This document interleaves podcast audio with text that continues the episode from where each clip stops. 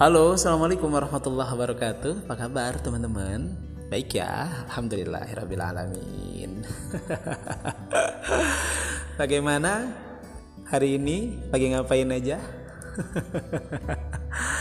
ya, teman-teman saya ingin uh, bercerita tentang tentang uh, lagunya Tulus nih, lagu uh, Monokrom. Barangkali teman-teman yang juga ngefans sama Tulus atau nggak ngefans juga pastinya juga pernah dengar karena lagu ini juga cukup hits di uh, telinga kita ya.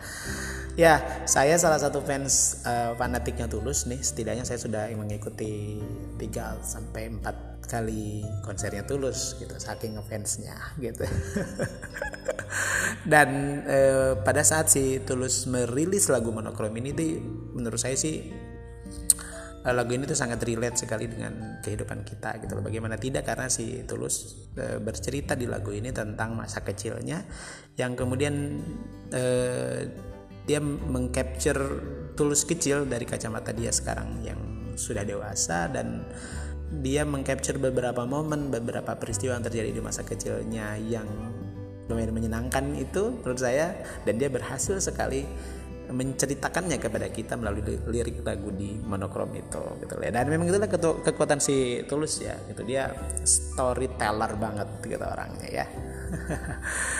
Nah, sayangnya tidak semua orang, tidak semua kita mengalami masa kecil yang menyenangkan seperti yang tulus gambarkan gitu loh. Nah, ada banyak yang mengalami hal-hal buruk gitu ya seperti mungkin juga korban kekerasan, bahkan mohon maaf korban pencabulan, ada juga yang menjadi korban eh, trafficking, ada yang menjadi korban perpisahan orang tua, broken home dan lain sebagainya. Gitu. Nah, momen-momen itu baik buruk itu akan sangat terekam dengan baik. Itulah kenapa disebut fase golden age itu adalah fase uh, yang sangat krusial bagi kehidupan kita gitu. Katanya begitu gitu loh. Jadi fase golden age ini mengatakan bahwa si anak ini adalah uh, seperti spons atau seperti kaset kosong yang siap menyerap dan merekam apa pun gitu loh. Nah itulah kenapa ada istilah bagai mengukir di atas batu itu adalah karena apa yang terjadi di masa kecil itu akan permanen terekam di alam bawah sadar kita sampai dewasa.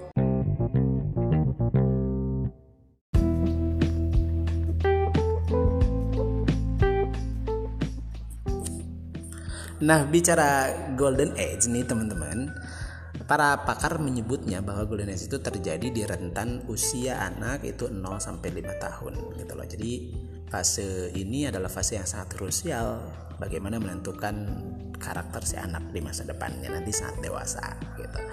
Ya sayangnya tidak semua anak di fase ini mengalami hal-hal uh, yang menyenangkan seperti lagunya si Tulus itu. Ada banyak sekali anak-anak yang mengalami hal-hal yang tidak semestinya. Nah, lalu bagaimanakah anak-anak ini kemudian tumbuh kembang dewasa, gitu ya teman-teman? Ini kan menjadi sebenarnya menjadi sesuatu hal yang harus kita perhatikan, gitu. Jadi anak-anak yang mengalami uh, momen atau mengalami situasi yang tidak menyenangkan pada saat masa kecilnya itu memang juga akan secara permanen terekam dalam dalam alam bawah sadarnya sampai dewasa gitu. Sehingga uh, ada banyak ada banyak pasti pasti ini kita juga menyadari ya bahwa ada uh, kita sekarang yang sudah sudah dewasa mesti ada karakter-karakter yang sangat kuat yang kemudian uh, itu kaitannya dengan Eh, kejadian-kejadian di masa lalu di masa kecil kita. Benar nggak ya teman-teman? Benar ya? Nah lalu kalau sudah seperti ini kan kita sudah sudah dewasa ini kan pastinya pastinya bingung bagaimana cara mengendalikan ini gitu loh. Bahwa kita selalu mengingat kejadian yang tidak menyenangkan di masa kecil. Bahkan itu pastinya meliding kita. E, dewasa ini juga kecenderungannya adalah untuk e, berada di situasi itu terus dan beberapa orang itu menjadi orang yang juga melakukan hal yang sama. Melakukan hal yang sama tuh gini, uh, bukan berarti ada tidak selalu melakukan hal yang sama itu kayak misalkan dia uh, seperti dendam kemudian melakukan hal yang sama terhadap anak yang lain nggak selalu begitu juga gitu loh ada juga yang terus kemudian dia menjadi orang yang yang seperti apa yang dialami pada saat itu sebagai pengalaman pertamanya. Misalkan gitu ya. Dia menjadi uh,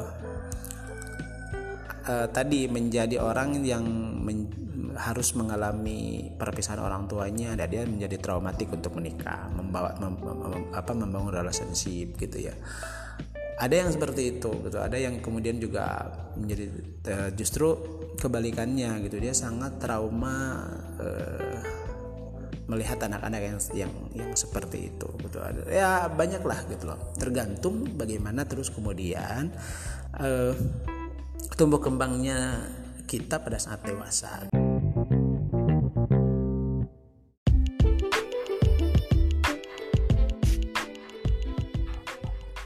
Nah, bicara masa kecil yang kurang menyenangkan juga terjadi pada uh, keluarga kalangan selebritis yang sekarang lagi hangat-hangatnya selalu menjadi pembicaraan di Indonesia terutama itu adalah uh, masa kecilnya Aurel dan Ezriel.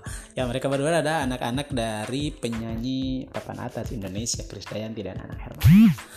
Sayangnya kehidupan mereka pada saat Kris Dayanti dan Ang Hermansah memutuskan untuk bercerai kemudian e, berubah 180 derajat. Mereka waktu itu masih pada kecil terus kemudian e, ikut bersama e, pipinya dan seperti yang kita ketahui bersama dari yang tadinya hidup berkemewahan terus tiba-tiba berubah 180 derajat Anang dan kedua anaknya tinggal di sebuah ruko di kawasan Jakarta Selatan dan kehidupan mereka yang sangat memprihatinkan juga diungkap oleh Aurel dan Azriel setelah mereka sekarang beranjak dewasa di kanal YouTube-nya.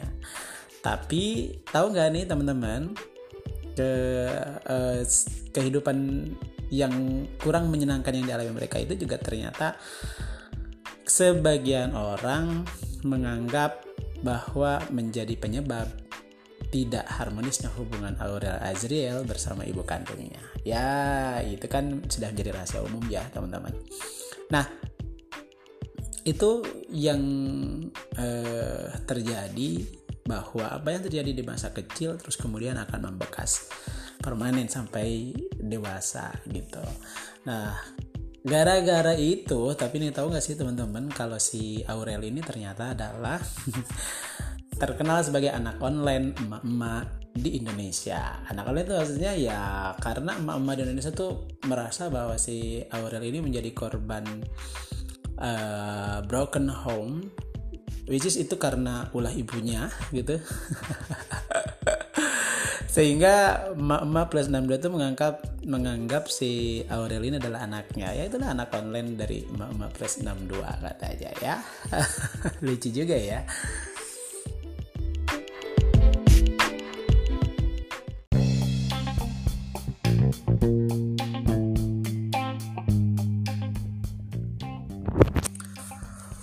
Ya, kalau kalau dilihat dari kacamata psikologi, saya baru melihat beberapa referensi gitu ya. E, psikologi mengatakan bahwa kejadian di masa kecil atau di golden age itu itu akan terekam permanen dalam alam bawah sadar kita dan itu seperti kita tidak pernah tumbuh dewasa, kita selalu menjadi sosok anak kecil yang berada di situasi itu terus menerus gitu Uh, psikologi menyebutnya bahwa kondisi itu disebut dengan inner child gitu ya. Jadi inner child ini adalah digambarkan sebagai sosok kecil kita yang kemudian mengalami hal-hal yang sangat memorable pada saat kita berada di fase golden age itu gitu Jadi kalau misalkan saat ini kita sudah dewasa terus kemudian kita selalu mengingat, selalu flashback terhadap eh, kejadian-kejadian di masa lalu bahkan itu membentuk anda pada saat ini ya itulah gitu yang disebut inner child menurut uh, psikologi. Masalahnya adalah bagaimana terus kemudian kita bisa mengendalikan si inner child ini supaya kita saat dewasa ini juga bisa terlepas dari momen-momen itu dan kita juga bisa me, apa ya me, menghilangkan karakter-karakter yang mungkin juga jelek karena berkaitan dengan peristiwa yang juga tidak menyenangkan pada saat itu. Agak lucu sih sih teman-teman kalau menurut kalau metodologi eh, bagaimana kita kemudian menyembuhkan luka inner child itu si ahli psikologi itu terus ada metodologi yang menurut saya sih lucu lah gitu ya. Jadi malah cenderung menyeramkan sih menurut saya. Ya kayak mereka misalkan gini katanya sih ada musik khusus itu ya kayak meditasi gitu gitu loh. Terus kemudian kita pejamkan mata duduk gitu tarik nafas gitu gitu gitu. Terus bicara kepada diri sendiri kemudian bayangkan katanya bahwa memang ada sosok kita yang kecil itu bayangkan situasinya apa yang terjadi pada saat itu terus kemudian katanya bayangkan si sosok inner child itu terus keluar dari tubuh kita. Ya agak serem ya coba bayangkan sama teman-teman. Keluar dari tubuh kita itu lebih mirip Juon kalau menurut saya lalu kemudian katanya diajak bicara gitu loh bahwa coba diajak bicara dipeluk dan bilang katanya kepada sosok kecil kita bahwa sudah maafkan apa yang terjadi di masa lalu mari kita hidup sama-sama bergandengan terus ke depan. Kita sekarang sudah sama-sama dewasa ada aku yang akan senantiasa memeluk kamu dan ada di samping kamu. Begitu katanya. Apa yang harus dilakukan itu dan itu harus dilakukan juga mungkin pada saat pada saat uh, si inner childnya itu muncul gitu loh. Tapi sih saya sih belum pernah mencoba metodologi itu gitu loh. Tapi menurut saya buat saya sih ya patut juga dicoba sih gitu ya teman-teman. Jadi kalau misalkan teman-teman yang mempunyai uh, pengalaman tidak menyenangkan pada saat masa kecil Nah, metodologi untuk memeluk si inner childnya teman-teman juga mungkin barangkali bisa dilakukan kalau dari sisi pandangan ilmu psikologi gitu loh. Tapi terlepas dari itu sih kalau menurut saya sih teman-teman barangkali uh, memang memang yang paling penting sih sebenarnya menurut saya mungkin adalah uh, kita harus harus ikhlas menerima terlebih dahulu gitu loh bahwa apa yang terjadi di masa lalu itu adalah sebagai bagian dari hidup kita. Kita harus ikhlas lepaskan segala sakit hati segala dendam segala apa pun yang menyangkut apa yang terjadi di masa lalu kita. Dan terakhir selanjutnya selalu libatkan Allah dalam setiap aktivitas kita. Karena menurut saya sih toh apa pun yang terjadi sama kamu dulu toh juga itu adalah kehendak Allah pun saat ini gitu loh apa yang terjadi pada masa sekarang yang mungkin menurut sebagian orang adalah terjadi karena kejadian yang kamu alami di masa kecil juga menurut saya hanya Allah yang bisa kemudian menuntun kita untuk uh, bisa melewati ini semua. Uh, terima dengan lapang dada terima dengan ikhlas bahwa itu adalah bagian dari kisah yang harus kita lalui teman-teman serahkan kepada Allah. Gitu. ketika misalkan teman-teman merasa bahwa apa yang ya udah gitu loh gue kayak gini sekarang ya karena gue mengalami hal ini di masa kecil gue terus salah gue apa gitu. Ya barangkali perspektif itu kalimat itu juga menunjukkan bahwa kita tidak benar-benar menerima kejadian apa yang terjadi di masa lalu kita gitu intinya sih menurut saya apa yang terjadi di hari ini adalah tanggung jawab kita sebagai orang dewasa. Dan terakhir kita bicara saja sama Allah ya Allah. Tolong saya bimbing saya dan selalu tunjukkan jalan yang paling benar yang harus saya lakukan. Mudah-mudahan ya teman-teman. Teman-teman yang mempunyai pengalaman buruk gitu tidak serta merta terus-terusan uh, berada di situasi yang buruk mudah-mudahan teman-teman bisa melewati semua fase kehidupan teman-teman yang buruk dan sekarang sudah berada di fase kehidupan yang jauh lebih baik. Insya Allah mudah-mudahan. Terima kasih. Assalamualaikum warahmatullahi wabarakatuh.